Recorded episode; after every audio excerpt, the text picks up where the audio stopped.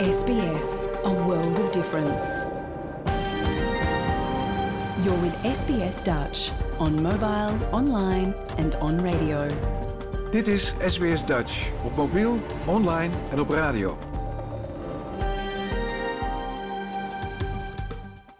Graag erkennen wij de traditionele eigenaren en verzorgers van het land, van waar we vandaag SBS Dutch uitzenden, en uiten we ons respect aan de Camaragal mensen van de Kurungay Nation en hun ouderlingen uit het heden en het verleden.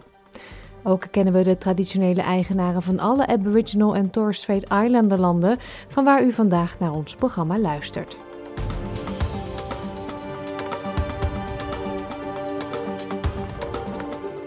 Een hele goede morgen, mijn naam is Paulien Roesink. Het is zaterdag 17 februari 2024 en dit is SBS Dutch, het Nederlandstalige radioprogramma van SBS. In het komende uur praat journalist en oud-SBS Dutch-medewerker Frans Warfemius ons bij over de politieke situatie in Den Haag. De eerste informatieronde is ten einde en misgelopen en daar werd deze week over gedebatteerd in de Tweede Kamer. Eke IJf, onze podcastliefhebber, heeft drie nieuwe luistertips voor u, waaronder één over de terugkeer van de wolf in Nederland. Joyce Diebels van Dutch for Joyce is ook weer te horen in een nieuwe mini-les Nederlands, waarin ze vertelt over belangrijke gebouwen in de stad. Dat, muziek en het willekeurige weekoverzicht natuurlijk, allemaal straks. Eerst de actualiteiten. Vrouwen leven langer en gaan eerder met pensioen dan mannen, maar ontvangen tijdens hun pensionering ongeveer een derde minder geld. Uit een nieuw rapport van de Supermember Council blijkt dat de kloof niet kleiner wordt, vooral voor vrouwen van in de 30. En dus wordt de regering opgeroepen om pensioen te betalen over betaald ouderschapsverlof. Maar er zijn ook problemen rond onbetaalde mantelzorg, dat voornamelijk door vrouwen wordt gedaan en waarvoor geen pensioen wordt ontvangen. Dit is SBS Dutch. Lynn McIver had nooit kunnen voorspellen dat ze fulltime voor haar man zou gaan zorgen toen hij 24 jaar geleden, op slechts 58-jarige leeftijd, een ernstige beroerte kreeg. De nu 79-jarige had een goed betaalde baan in Sydney voordat zij en haar man gedwongen werden te verhuizen naar een boerderij in het midwesten van New South Wales toen hij ernstig ziek werd. Ze had 300.000 dollar aan pensioen gespaard tijdens haar werk aan de universiteit, maar werd uiteindelijk gedwongen betaald werk op te geven. He was put into a coma for two and a half months. They said he'd never walk or talk again, and I should look for a nice nursing home. Uh, there was no such thing for a 58 year old man. So I decided that I was going to take him back to the farm. And um, I had 90 head of longhorn Highland cattle and a husband who couldn't walk or talk. So, uh, so began a journey um, that I wouldn't wish on anybody. And as a consequence of that, um, I had to give up full time. Oh, I had to give up paid employment. Het echtpaar moest leven van hun spaargeld en Lins pensioen. Dit hielden ze zeven jaar vol, totdat ze in 2007 geen geld meer hadden. Lin zegt dat ze geen financiële steun van de overheid ontvingen en uiteindelijk de boerderij hebben moeten verkopen om daarna terug te keren naar hun huis in Epping in het noordwesten van Sydney. Dit huis hadden ze slechts drie maanden voor de beroerte van haar man gekocht.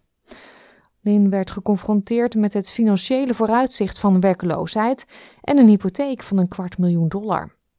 Het arbeidsongeschiktheids- en verzorgerspensioen dat zij en haar man samen ontvangen bedraagt zo'n 1800 dollar per twee weken, wat volgens Lin nauwelijks hun zeer hoge zorgkosten dekt. I think the government should be looking at unpaid caring as as as a job. It is a job, and anyone who's stayed home, even looking after kids, knows that this is not. You know, you're not lying around the pool eating grapes. You're pretty flat out all the time. There should be no such thing as unpaid caring. And people turn around and the government says, oh, yes, but there'll always be people who rort the system. I said, you don't make laws for the lowest common denominator. You make the laws for the majority of people who do the right thing.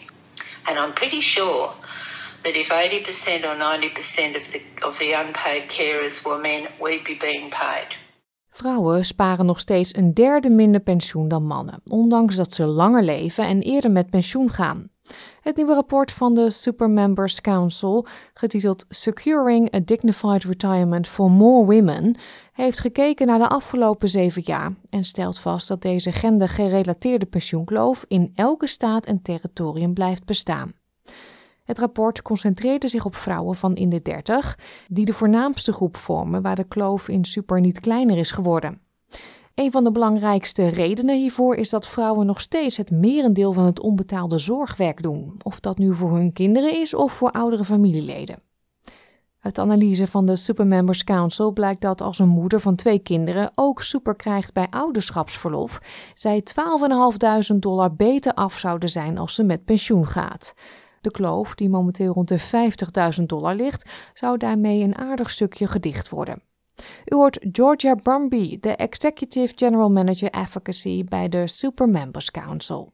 So we're really concerned about this, and we see a direct correlation with one of the big gaps in the system at the moment, which is the fact that currently superannuation is not paid on the government's paid parental leave scheme. So we're calling on the government to prioritise this in its upcoming federal budget, as we think it will make a significant difference to those women in their 30s. They're missing out on vital super contributions, and it's having a really significant impact on the quality of their life later in retirement. Terwijl het rapport zich richt op betaald ouderschapsverlof en vrouwen van in de 30, zegt mevrouw Brumby dat hun organisatie de komende maanden ook de rol van onbetaald mantelzorg onderzoekt. Het rapport merkt op dat er bredere structurele oorzaken zijn van de gendersuperkloof, waaronder sociale normen rond onbetaalde zorgtaken. Maar mevrouw Brumby bevestigde niet dat de instantie vindt dat mantelzorgers een pensioen zouden moeten krijgen. It's certainly something that that we are looking at because we know obviously they are out of that paid workforce. They are doing unpaid work that in many cases, you know, will be will be more challenging and more of a burden than most people's normal jobs. Um, and so we are really conscious of the impact that that has. And it is something that we're looking at in terms of our own advocacy, what the right sort of, I suppose, avenue might be to ensure that that unpaid caring um, is recognised when we're looking at superannuation contributions. Maar voor verzorgers als Lin is de kwestie dringend, omdat de situatie een aanzienlijke emotionele en financiële tol eist. Ze zegt dat een pensioenuitkering een beetje rust zou bieden in zo'n financiële, veel eisende en tijdrovende rol. It would, would have allowed me to have a holiday. I haven't had a holiday since 2007. Just a break. So I'm up every morning, anytime between 6 and 7. To be ready, I have to be up and ready and showered and dressed and all waiting for the carers to come. So just for me to just have a sleep in till nine o'clock is, is like a holiday. But I think, as we all know, what you earn puts a value on you. And if you don't pay women for the work they do, and this is a universal problem, this this is a global problem. Um, and if you don't pay them adequately, you're basically telling them they're worthless. And I think that's a really bad message to be sending out to women who basically are the backbone of the community. De algemeen directeur van belangenorganisatie Women in Super, Joe Kowalczyk, zegt dat er zeker een vorm van financiële hulp moet worden aangeboden aan mantelzorgers. Maar ook zij zei niet dat pensioen de oplossing zou zijn. We definitely would call on there, call for there to be a form of compensation. What that looks like, whether that's you know the super guarantee uh, for at, a certain level, whether it is a certain kind of a credit that you get or payment that you get into your superannuation based on you know time. You know there are a variety of mechanisms, but um, definitely um, unpaid care or undervalued care work uh, is a critical um, factor contributing to the super gender gap. Wat betreft het doorbetalen van pensioen tijdens het betaald ouderschapverlof, zegt mevrouw Kowalczyk dat dit iets is wat Women in Super volmondig ondersteunt. Women in Super have been calling for super to be paid on the paid parental leave since its inception. Um, it's one of the only forms of leave that doesn't attract super. So we would support that in the report 100%. Minister voor Vrouwenzaken Cathy Gallagher heeft die kwestie afgelopen dinsdag besproken in een parlementscommissie. Groene senator Larissa Walters vroeg senator Gallagher wanneer de regering pensioenregelingen voor betaald ouderschapsverlof zal invoeren. Senator Gallagher antwoordde daarop zo. Well, that's a matter for government. Well, you're the government. Give me the answer, please. I know, but I, I'm. Um, You know, I think the Treasurer and I have, have talked about it as something that we want to do um, when we're able to and when we can afford to do it. Um, so it remains before government. Een andere barrière die in het rapport wordt genoemd zijn wijzigingen in de belastingcompensatie voor lage inkomens. Momenteel wordt vastgesteld dat degenen die minder verdienen zwaarder worden belast op hun pensioen. Vrouwen vormen de meerderheid van de mensen met een laag inkomen, maar de volledige belastingteruggave op super dekt momenteel alleen degenen die maximaal 37.000 dollar verdienen. Het rapport stelt dat het aanpassen van deze drempel naar 45.000 dollar alleen al in het boekjaar 2025-2026 de super van meer dan 1,2 miljoen Australiërs, waarvan 60% vrouwen, met een extra 500 miljoen dollar zou verhogen. Maar voor fulltime verzorgers zoals Lin, die alleen afhankelijk zijn van een pensioen, spreekt de genderpensioenkloof over een bredere urgente ongelijkheid.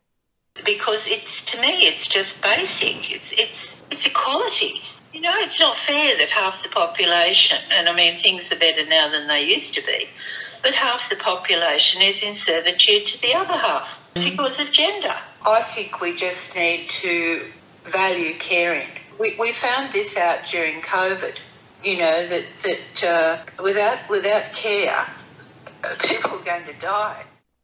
Dit was een verhaal gemaakt door Catriona Stewart voor SBS Nieuws en door SBS Dutch, vertaald in het Nederlands.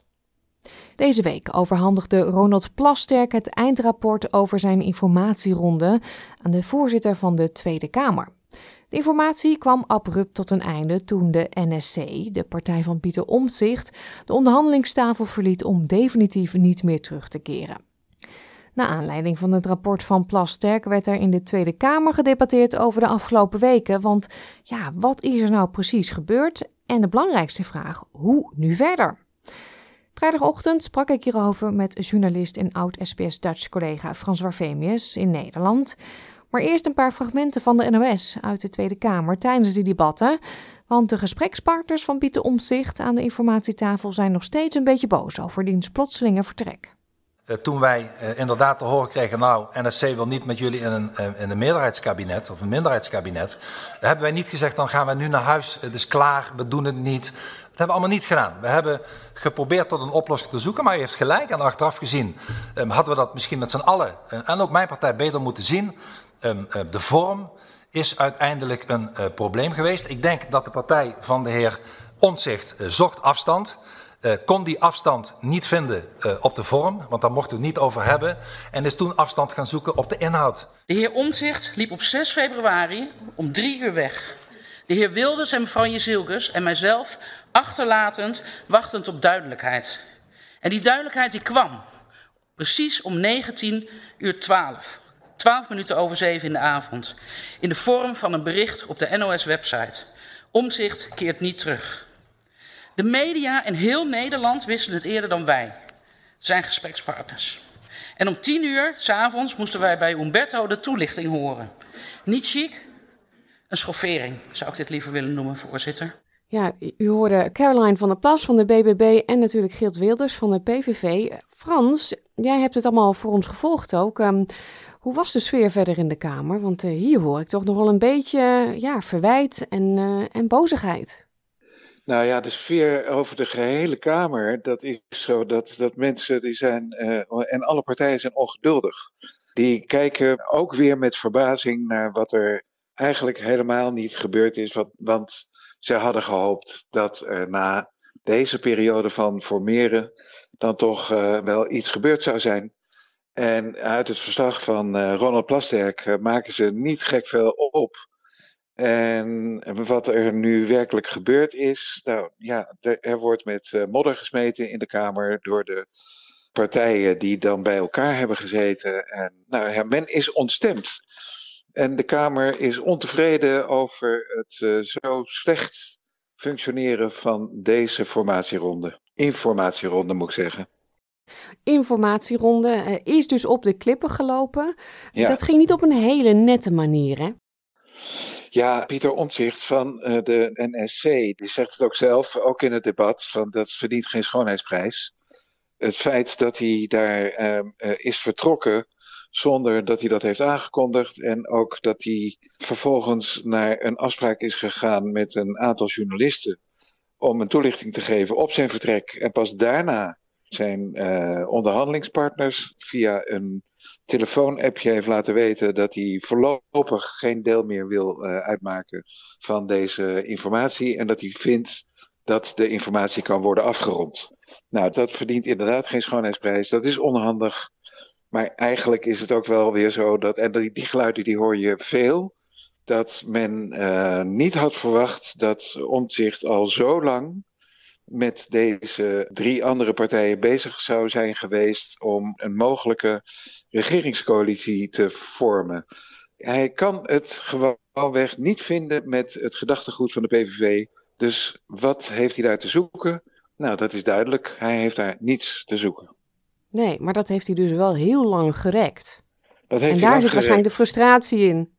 Ja, en dat is nou eenmaal waar je als politicus eh, voor staat. Dat je hebt je eigen eh, ideeën en je eigen uitgangspunten. En daaromheen verzamelen andere mensen zich en worden er fracties gevormd, wordt er een partij gevormd en worden er leden onderdeel van, van het hele proces. En de sfeer in de fractie en het gedachtegoed in de fractie en wat men denkt als lid, nou, dat zijn niet zomaar allemaal dezelfde denkende mensen. Dus er zijn mensen die falikant tegen een samenwerking met de PVV zijn. En er zijn mensen die zeggen, koet, koet, koet, we moeten eh, alles doen om tot een regering te komen. Nou ja, hoe je daaruit moet komen als eh, eh, leider van die partij, niemand die het weet. Nee. Ronald Plasterk is nu informateur af. Met het aanbieden van dat rapport was het afgelopen voor hem. Er is inmiddels een nieuwe aangesteld, hè? Ja, Kim Putters. Tot voor kort, zijn functie is, was voorzitter van de Sociaal-Economische Raad. En dat is een van de adviesorganen van de regering. Deze Kim Putters is gepokt en gemazeld in het polderen. Hij wordt ook wel de polderpaus genoemd. Hij kent iedereen en iedereen kent hem. Hij heeft ook een geruime tijd in de Eerste Kamer gezeten als senator voor de Partij van de Arbeid.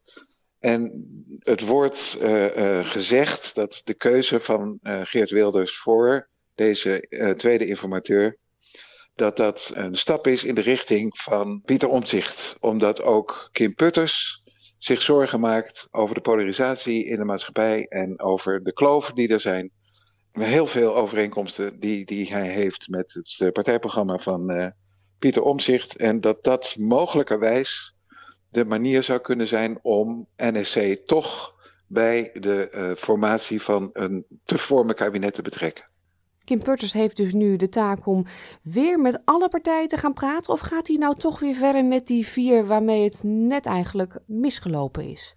Nou ja, na zijn aanstelling eh, eh, was bekend dat hij een persconferentie zou geven. En dat heeft hij gegeven. En hij heeft duidelijk gemaakt dat hij eerst gaat praten met eh, experts, zoals dat heet. Dat is onder andere de tweede voorzitter van de Eerste Kamer. Dat zijn een aantal mensen die, die eh, juist in de polder veel weten van hoe de verhoudingen liggen, eh, wat de mogelijkheden parlementair zouden kunnen zijn. Dus eerst praten met experts en dan vervolgens inderdaad het rijtje af van alle fractievoorzitters in de Tweede Kamer. Ja. Wat zijn nu eigenlijk de opties nog? Want de VVD, de PVV, de BBB, die laten toch heel duidelijk merken dat zij toch wel heel graag met z'n drieën verder willen. Het liefste met Pieter Omzicht. Maar Ja. als dat niet kan, als hij zijn poot stijf blijft houden, wat zijn dan de mogelijkheden? Nou ja, weet je, het grote probleem is dat de partij van Geert Wilders, de PVV, is de grootste partij geworden, zoals we allemaal weten. 37 zetels bij de Tweede Kamerverkiezingen. En tijdens het eh, Kamerdebat eh, van woensdag eh, was duidelijk dat als er nu verkiezingen zouden worden gehouden, dan zou die de grootste zijn met 52 zetels maar liefst. En de partij van Pieter Omtzigt, die wordt gedecimeerd. Dus die gaat van 20 naar 9. Zo wordt er dus gereageerd op de manier waarop men aan het reutelen is. En ook op het feit dat de uitslag is dan weliswaar richting een, nou ja, wat dan heet een rechtskabinet. Vanwege die grote eh, winst van de PVV. Maar niemand die wil met de PVV samen. Echt helemaal niemand. En dat is wat niet hardop wordt gezegd. Maar je ziet in deze eerste bijna drie maanden van de informatie dat eh, men is eigenlijk nog helemaal geen stap verder gekomen.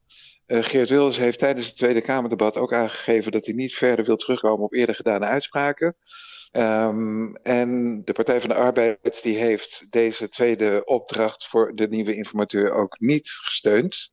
Het is ernstig gepolariseerd. Niemand heeft zin om met de partij uh, van Geert Wilders te, te regeren. Ook de VVD niet, want nou, dan kan uh, Dylan Jezilkus wel hebben gezegd van nou ik doe een stap naar voren. Maar met de voorwaarde dat Pieter om zich dan ook een stap naar voren moet doen. En doet hij dat niet, nou dan is haar stap naar voren is dan ook alweer niet meer gezet. Dus er is er eigenlijk maar één die een beetje tegen uh, Geert Wilders aanleunt. En dat is Caroline van der Plas. En dan houdt het op. Maar het is wel interessant wat hier gebeurt, want je zou kunnen denken, ze gaan er alles aan doen om te voorkomen dat er nieuwe verkiezingen komen, want dan gaat de PVV nog meer stijgen. Ja. En je zou ook kunnen denken, de PVV denkt, nou laat het maar lekker gaan en laten maar meer verkiezingen doen, dan krijg ik nog meer zetels. Ja, um, maar, ja, maar, hoe maar gaat dat, dit lost nou? het, dat lost het inhoudelijk dilemma niet op. Dan kan het wel de grootste partij zijn, maar het zal nooit zo groot worden dat het een meerderheid zal halen, want dan moet hij 75 zetels halen. Of nee, 76. En hij is dan weliswaar de grootste. Maar ja, dat is nu eenmaal in Nederland. Het kan niet door één partij gedragen worden. Er moet altijd een coalitie komen. En er is werkelijk geen zicht op welke coalitie dan ook. Dus vandaar dat allerlei varianten nu de revue passeren. En uh, of het nou gaat over een uh, minderheidskabinet met gedogen. Uh, maar daar lijkt het ook al eigenlijk niet meer op. Of op een extra parlementair kabinet. En daar heeft men het allemaal over. Waarbij eigenlijk niemand precies kan aangeven wat een extra parlementair kabinet is. Nee, laten we even een stukje luisteren naar um, Dylan Jezelkus van de VVD, want die had het daarover. Oké. Okay. Uh, voor mij zal het betekenen dat het een kabinet is dat werkt op basis bijvoorbeeld van een programmaakkoord, maar wel met bijvoorbeeld hele duidelijke financiële kaders. Uh, ik kan mij voorstellen dat met de partijen met die aan tafel zitten meer kaders worden afgesproken. Voor ons zullen de financiële kaders heel belangrijk zijn.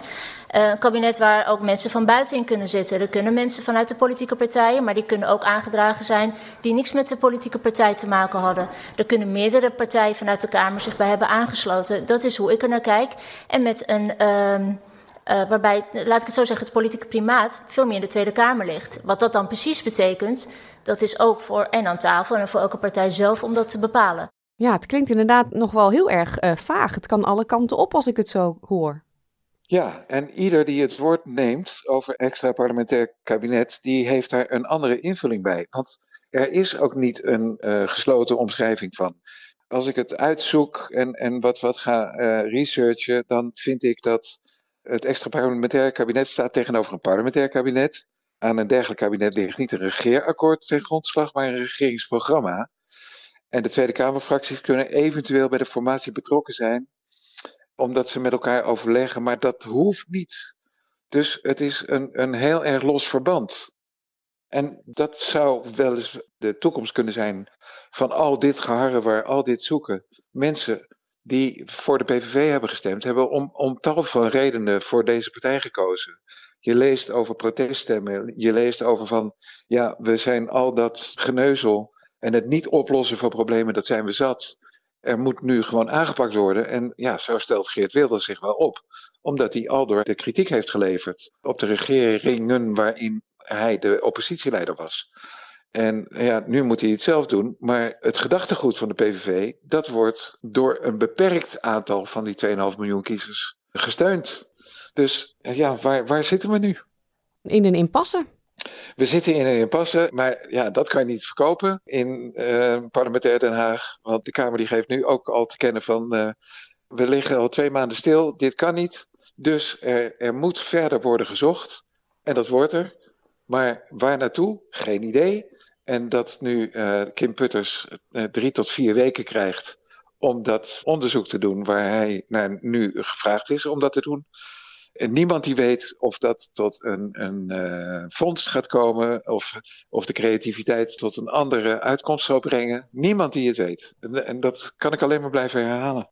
Dankjewel, Frans Arvemius vanuit Nederland. Um, het is een interessante tijd. Laten we het daar maar even ophouden. Dat is het zeker. Voor de commercial break en muziek van Earth and Fire hadden we het al uitgebreid over de politiek in Nederland, maar er gebeurde meer. U hoort het nu in het willekeurige weekoverzicht met dank aan de NOS.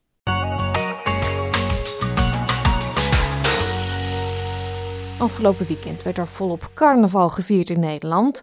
Zondag was de dag van de grote carnavalsoptochten en de NOS ging kijken in Heerlen, waar maar liefst 188 groepen meededen.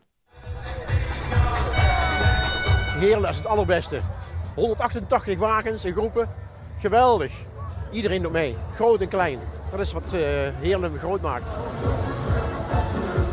It's my first time in Heerlen. Like I came here to visit my friend.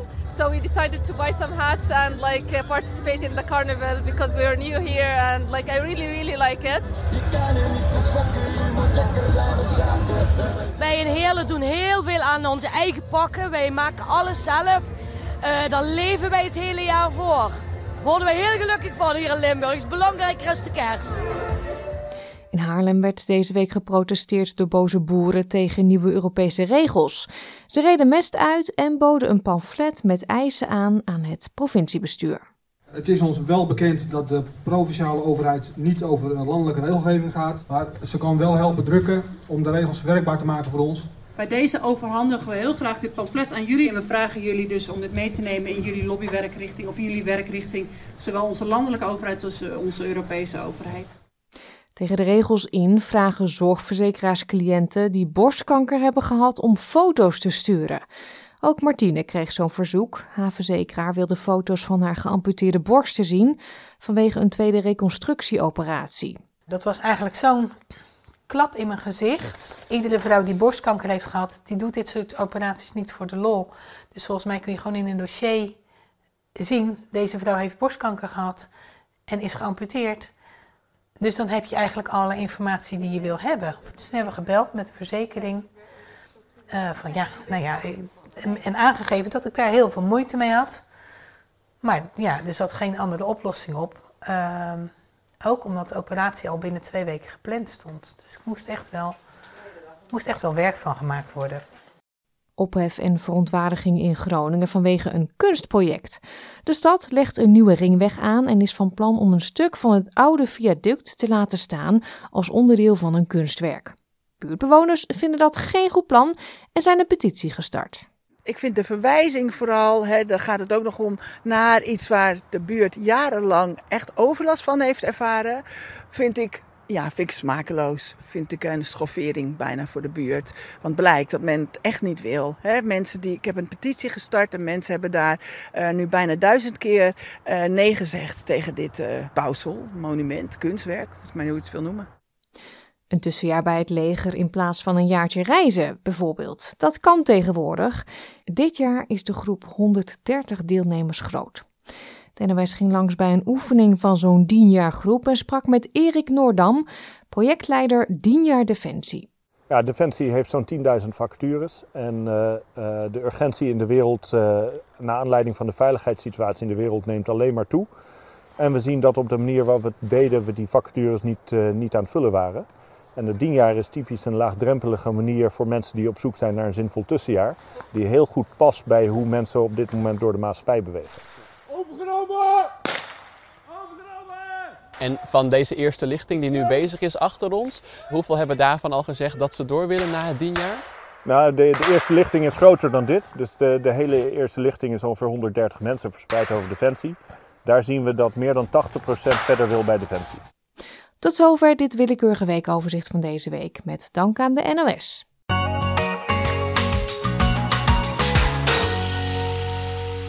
We gaan verder met onze talenserie Leer Nederlands. Vandaag lopen we in gedachten een rondje door het stadscentrum van de Nederlandse stad. En tijdens die wandeling wijst Joyce Diebels van Dutch with Joyce ons dan op enkele belangrijke gebouwen.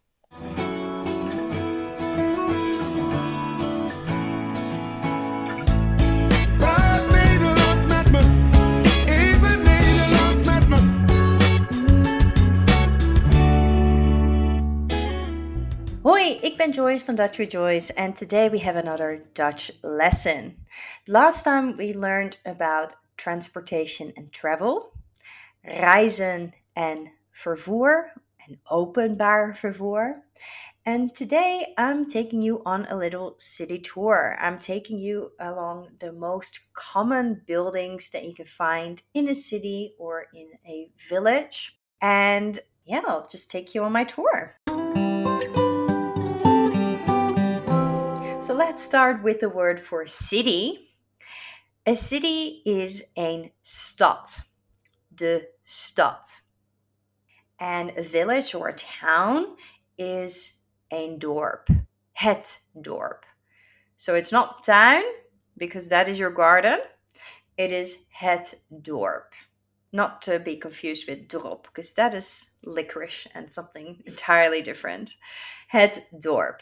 So in het dorp, you've got a street. Very important to know, and you see it all the time on the street signs. That is straat. De straat. The street is de straat. A good one to remember actually in a sentence is if you want to say like I'm walking on the street, dan zeg je ik loop op straat or ik loop door de straat if you want to walk through a street or in the street. So in Dutch you can't say ik loop in the straat. That is incorrect because you would then be walking inside the cement and whatnot.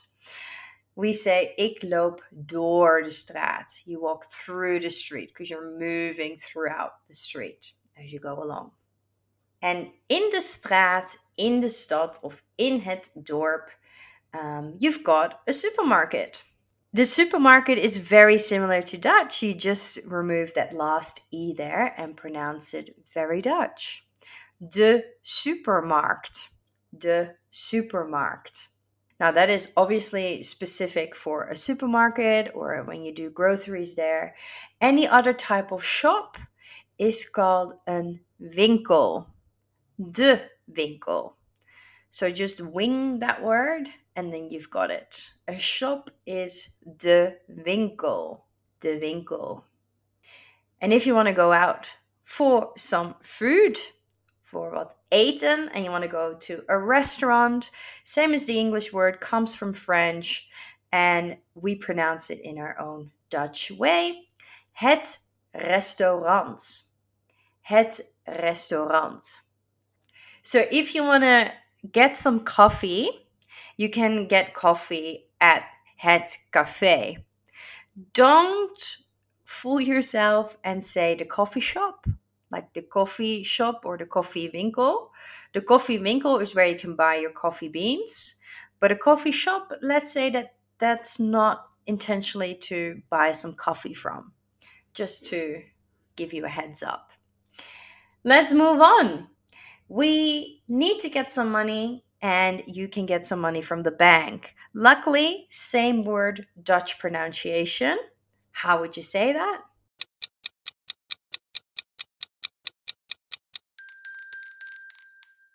De bank. De bank. A museum, also very similar. Just put your Dutch pronunciation there. Het museum. Het museum. Library. If you have some Spanish under your belt, this is very similar to it. Uh, it comes from Latin. A library is called a bibliotheek. Bibliotheek. De bibliotheek. Maybe you need to get some medicine or some shampoo. Unlike Australia, um, we can't get our over the counter medication from a chemist. A chemist in the Netherlands is just to buy your shampoos from or um, some aspirin you can buy in the aisle. Um, that kind of chemist is called de drogist. De drogist, like a drugstore. De drogist. And if you want to get some medication that is prescribed, then you go to a pharmacy. And a pharmacy, again, is a Latin word, and we say de apotheek. De apotheek. Maybe you want to go to a Sunday service at the church. Let's try and say church. And church is de kerk. De kerk. And last but not least, maybe something happened to you and you need to go to the police station. Um, that is not het politiestation, in case you are wondering. um, we say like a bureau, het bureau. So a police station is het politiebureau. Het politiebureau. We are very curious to see which of the location and buildings have stuck with you and if you can make some sentences with them as well. Like what would you do or buy or get at each of these buildings? We would love to know your sentences. So let's have a look at the website and show us your sentences over there. But I will share three of mine with you today. I buy groceries from the supermarket. Ik koop boodschappen bij de supermarkt. Ik koop boodschappen bij de supermarkt. I'm getting shampoo at the chemist. So getting, we can use haal for that. Ik haal shampoo bij de drogist. Ik haal shampoo bij de drogist. So at the bank where you have an ATM, you might want to get some money there. To get some money there, we use the word binnen because you need your PIN code there to access your account and retrieve the money. So we would say something like: Ik ga binnen bij de bank. Ik ga binnen bij de bank. So if you hear something like that, you know that somebody will just get some cash at the bank, at the ATM. Those are my sentences that you can practice with that are very useful when you are walking through town. Als jij door de stad loopt. En dat zijn de woorden voor vandaag, the words of today. Practice, practice, practice. En ik zie jou de volgende keer. Heel veel succes. Doei.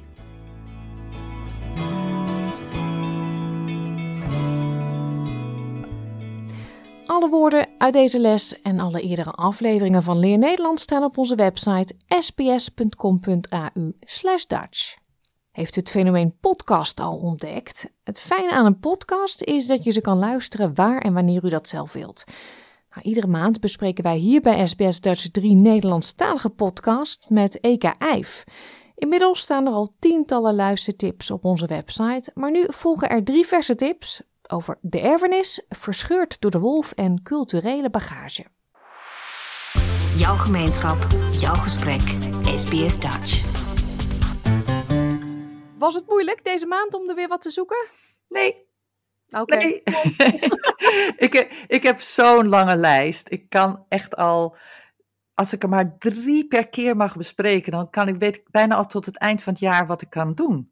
En dan komen er natuurlijk weer. Precies, dus wat moet het nou? Misschien moeten we maar twee keer in de maand een uitzending gaan maken. Oh, oh, oh. Nou, laten we dat dan uh, even overleggen. maar eerst de, de, aflevering van vandaag. Vertel, wat is de eerste? De eerste die heet De Erfenis. En dat is de nieuwe podcast van Audiocollectief Schik. En Audiocollectief Schik zou je misschien kunnen kennen van de veelgeprezen podcast Bob. In deze podcast, De Erfenis, zijn er zes afleveringen van rond de 45 minuten. En hierin vertellen Nele Eckhout, Siona Houthuis en Meerke Kist verhalen van mensen die worstelen met een erfenis die hun ten deel is gevallen en die daar iets aan proberen te doen. In hun kenmerkende, meeslepende, betrokken en literaire stijl onderzoeken ze manieren waarop de al dan niet zichtbare krachten van een erfenis zich door ons leven vlechten. Er zijn zes afleveringen, die beslaan vier verhalen. Het verhaal van Toos en zijn familie, die bij de dood van een oom voor enorme schulden komen te staan, met gevolgen die verder rijken dan ze ooit hadden kunnen denken. Dan is er het verhaal van Iris, daar haar moeder verliest op haar zestiende en achterblijft met stapels dagboeken en brieven. Daar drijft een geheim uit naar boven, dat het beeld dat ze van haar moeder heeft doet kapseizen. Op zoek naar antwoorden voor haarzelf, maar ook voor haar vader, spreekt Iris met de vriendenkring van haar moeder en komt uiteindelijk uit bij een geheime liefde van haar moeder. Het derde verhaal gaat over twee zussen die het ware verhaal achter het huwelijk van hun ouders ontdekken. Het leven van hun moeder werd bepaald door een Marokkaanse familietraditie van uithuwelijken. Twintig jaar later merkt de moeder dat ook zij de pijnlijke erfenis onbewust en ongewild aan het doorgeven is.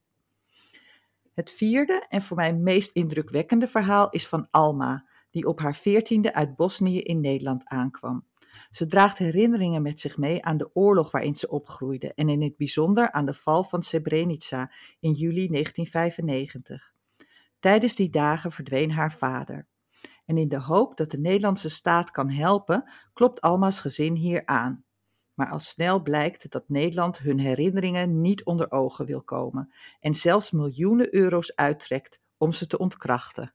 En daar hebben we een fragment van. Alma weet dat als Nederland de rechtszaak wint, dat deze versie in de maatschappij zal belanden. Een versie waarin de hekken van de compound opengingen en zij vrijwillig naar buiten liepen. Een versie waarin ze evengoed hadden kunnen binnenblijven, maar dat gewoon niet deden. Een versie waarin het verschrikkelijke moment aan het hek, haar zusje op haar vaders arm, haar vader die werd meegenomen, zij die niet mocht omkijken, waarin dit alles optioneel was geweest. Een keuze. Net als het lot van haar vader, nadat hij uit beeld was verdwenen. Als de staat wint, is dit het verhaal wat op televisie zal worden verkondigd, wat in geschiedenisboeken zal worden neergeschreven, wat kinderen zullen leren op school, ook Alma's kinderen. En daar is ze bang voor. Maar Alma merkt dat ook de Nederlandse staat dezelfde angst kent. Ja, dat is een aangrijpend onderwerp. Ja, dat is het zeker. En uh, ik ken het verhaal van Srebrenica heel goed, omdat ik toen in de media werkte in 1995. Maar ik vond dit ontzettend aangrijpend, omdat het verteld werd vanuit een Bosnisch perspectief. En wij hebben het verhaal zo ontzettend gehoord vanuit een Nederlands perspectief, van het perspectief van de blauwhelmen.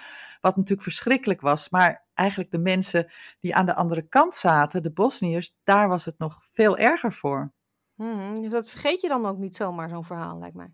Nee, nee, zeker niet. Ik vond het erg mooi om naar te luisteren. Een podcast van Schik vergeet je sowieso niet snel. En op het snijvlak van literatuur, hoorspel en journalistiek ontrafelen de makers verhalen waarbij je als luisteraar wordt meegenomen van kleine intieme gesprekken naar verbazingwekkende plotwendingen. En net als in vorige podcast worden grote thema's in kleinere verhalen gevat.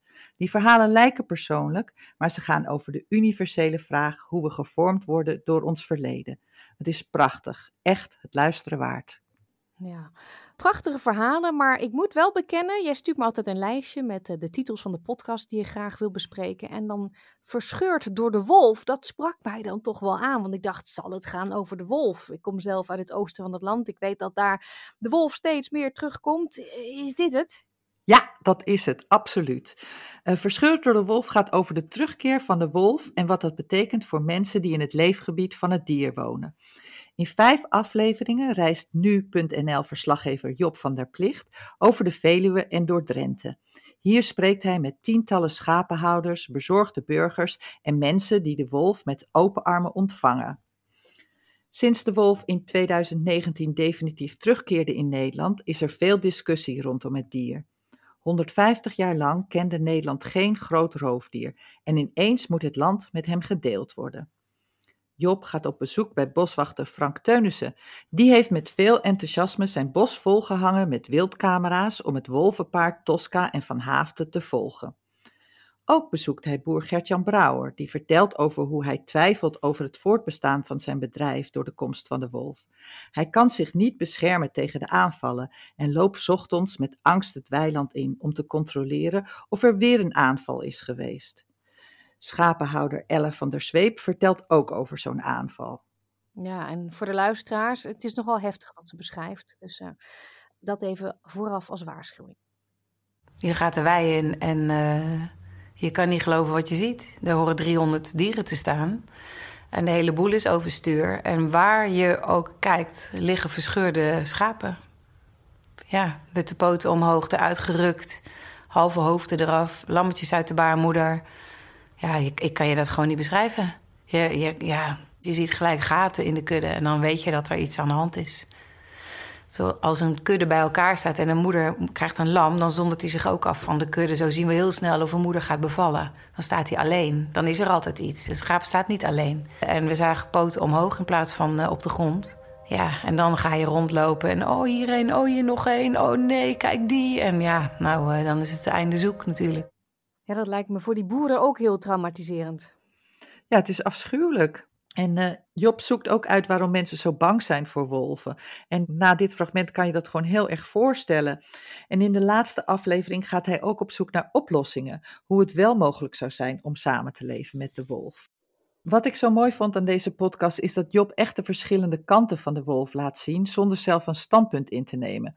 Het is super informatief, je krijgt echt een goed inzicht in de problematiek en je kan je bij iedereen inleven en voor iedereen begrip opbrengen. En zoals zo vaak is er jammer genoeg niet een eenduidige oplossing te vinden. Nee, want dan zou die er al wel geweest zijn, hè? Ja, ja. ja. Maar uh, zou jij uh, met veel plezier in een bos wandelen op de Veluwe nu? Of, uh... Ja, dat denk ik wel. Ben jij dan wel een beetje bang? Nee, ik ben, ik ben niet bang, nee. We dwalen een beetje af, maar ik ben in Canada geweest en daar heb je beren en dan moet je gewoon heel veel lawaai maken. Dat zou ik ook met, met de wolf doen als ik bang zou zijn. Ja. Dan zijn ze zo weg. Ja. Ja. Nou, laten we gaan met, verder gaan snel met de podcast. De laatste, culturele bagage. Ja, Culturele Bagage is een wekelijkse podcast van de Volkskrant en hij gaat over films, series, boeken en andere popculturele verschijnselen die blij maken, verbazen of ontroeren. Met host Esma Linneman wordt je elke week bijgepraat. Ze doet dit samen met cultuurexperts van de Volkskrant en speciale gasten. De onderwerpen gaan over wat je niet mag missen, maar vooral wat je van kunst kunt leren over het leven zelf. De afleveringen duren een half uur en er zijn er al meer dan 70 met uiteenlopende onderwerpen als een wereld vol Swifties, het wondermedicijn Ozempic, vibrators in de HEMA, B&B vol liefde, praten over geld, de film Tar, Roald Dahl en nog veel meer. Ik wil je een klein stukje laten horen van de eerste aflevering van dit jaar, die vooruitkijkt naar wat we dit jaar op vooral feministisch cultuurgebied kunnen verwachten. Ja, het, het, is een hele bijzondere carrière die vrouwtje heeft doorlopen. Eigenlijk een ongelofelijke carrière. Zij begon met uh, het, het, liedje Groter dan ik. Dat ja. had ze geschreven twee jaar voor corona al, maar dat lag op de plank. En dat kwam toen uit tijd, toen de pandemie net losbarstte. En dat werd toen het anthem van de coronatijd, zo'n beetje. Ook omdat ze in, in haar tekst kon je iets zien over zorg over de klimaatcrisis. Ja. De wereld stond in de fik, zong ze. Maar het vuur is groter dan ik. Ja zij kon dan niet spelen. Dus ze had niet een normale carrière dat je eens in een kleine club eens een keer een optredentje gaat doen. Uh, maar ze was super populair door dat nummer. Het was ook echt steengoed. En toen de, de pandemie over was, werd ze de grootste podia opgeslingerd, echt. Dus uh, zij leerde op een groot podium hoe ze zich moest gedragen op een groot podium. Nou, dat heeft natuurlijk geen één band uh, meegemaakt. Nee, nee, krankzinnig. En daar uh, vertelde ze ook over in het interview hoe ontzettend moeilijk dat was, maar ook hoe, hoe makkelijk ze zich daar toch aan heeft aangepast. Ja. Ik had ook oude video's ge gekeken van haar eerste shows op echt hele grote, hele grote stages van de, de festivals. Vergeleken met haar nieuwe shows, nou, dat is een enorm verschil. Ja. En ze zei ook van, ik stond daar uh, in het begin met een, ik haalde mijn microfoon niet uit mijn standaard, dat durfde ik niet. En nu loopt ze heen en weer, ze, ze wijst naar het publiek, ze sleept iedereen mee in haar waanzinnig mooie teksten. Ja. Dus een gigantische do uh, carrière doorgelopen, eigenlijk in een hele korte tijd. Ja. Ja, wat vind jij hier zo goed aan? Tenminste, ik neem aan dat je het goed vindt, want anders had je deze podcast niet uitgekozen om te bespreken. Nee, het klinkt misschien wat suffig, maar Culturele Bagage is een van mijn nieuwe favoriete podcasts. Ik vind het heerlijk om elke week een half uurtje bijgepraat te worden over wat er in Nederland op cultuurgebied gebeurt. Het zijn toch dingen die je hier in Australië niet zo gauw hoort. Het zijn geen zware onderwerpen. Esma is altijd enthousiast en geïnteresseerd en je krijgt toch net wat meer achtergrondinformatie dan wat je in een krantenartikel of op Google News leest.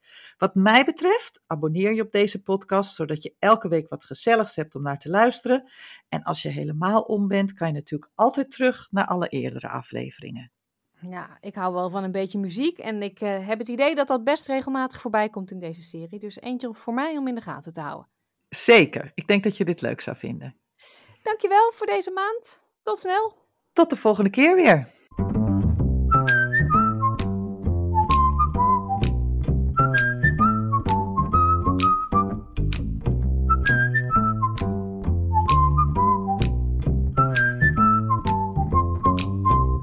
Het zit er weer op voor vandaag. Op sbs.com.au slash Dutch kunt u deze aflevering of een van onze andere verhalen of series terugluisteren.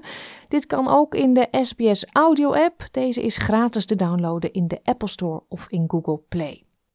We sluiten vandaag af met Wie kan mij vertellen van André Hazes junior. Ik wens een heel fijn weekend. Tot woensdag. Wil je nog meer soortgelijke verhalen? Luister via Apple Podcasts, Google Podcasts, Spotify of waar je je podcasts dan ook vandaan haalt.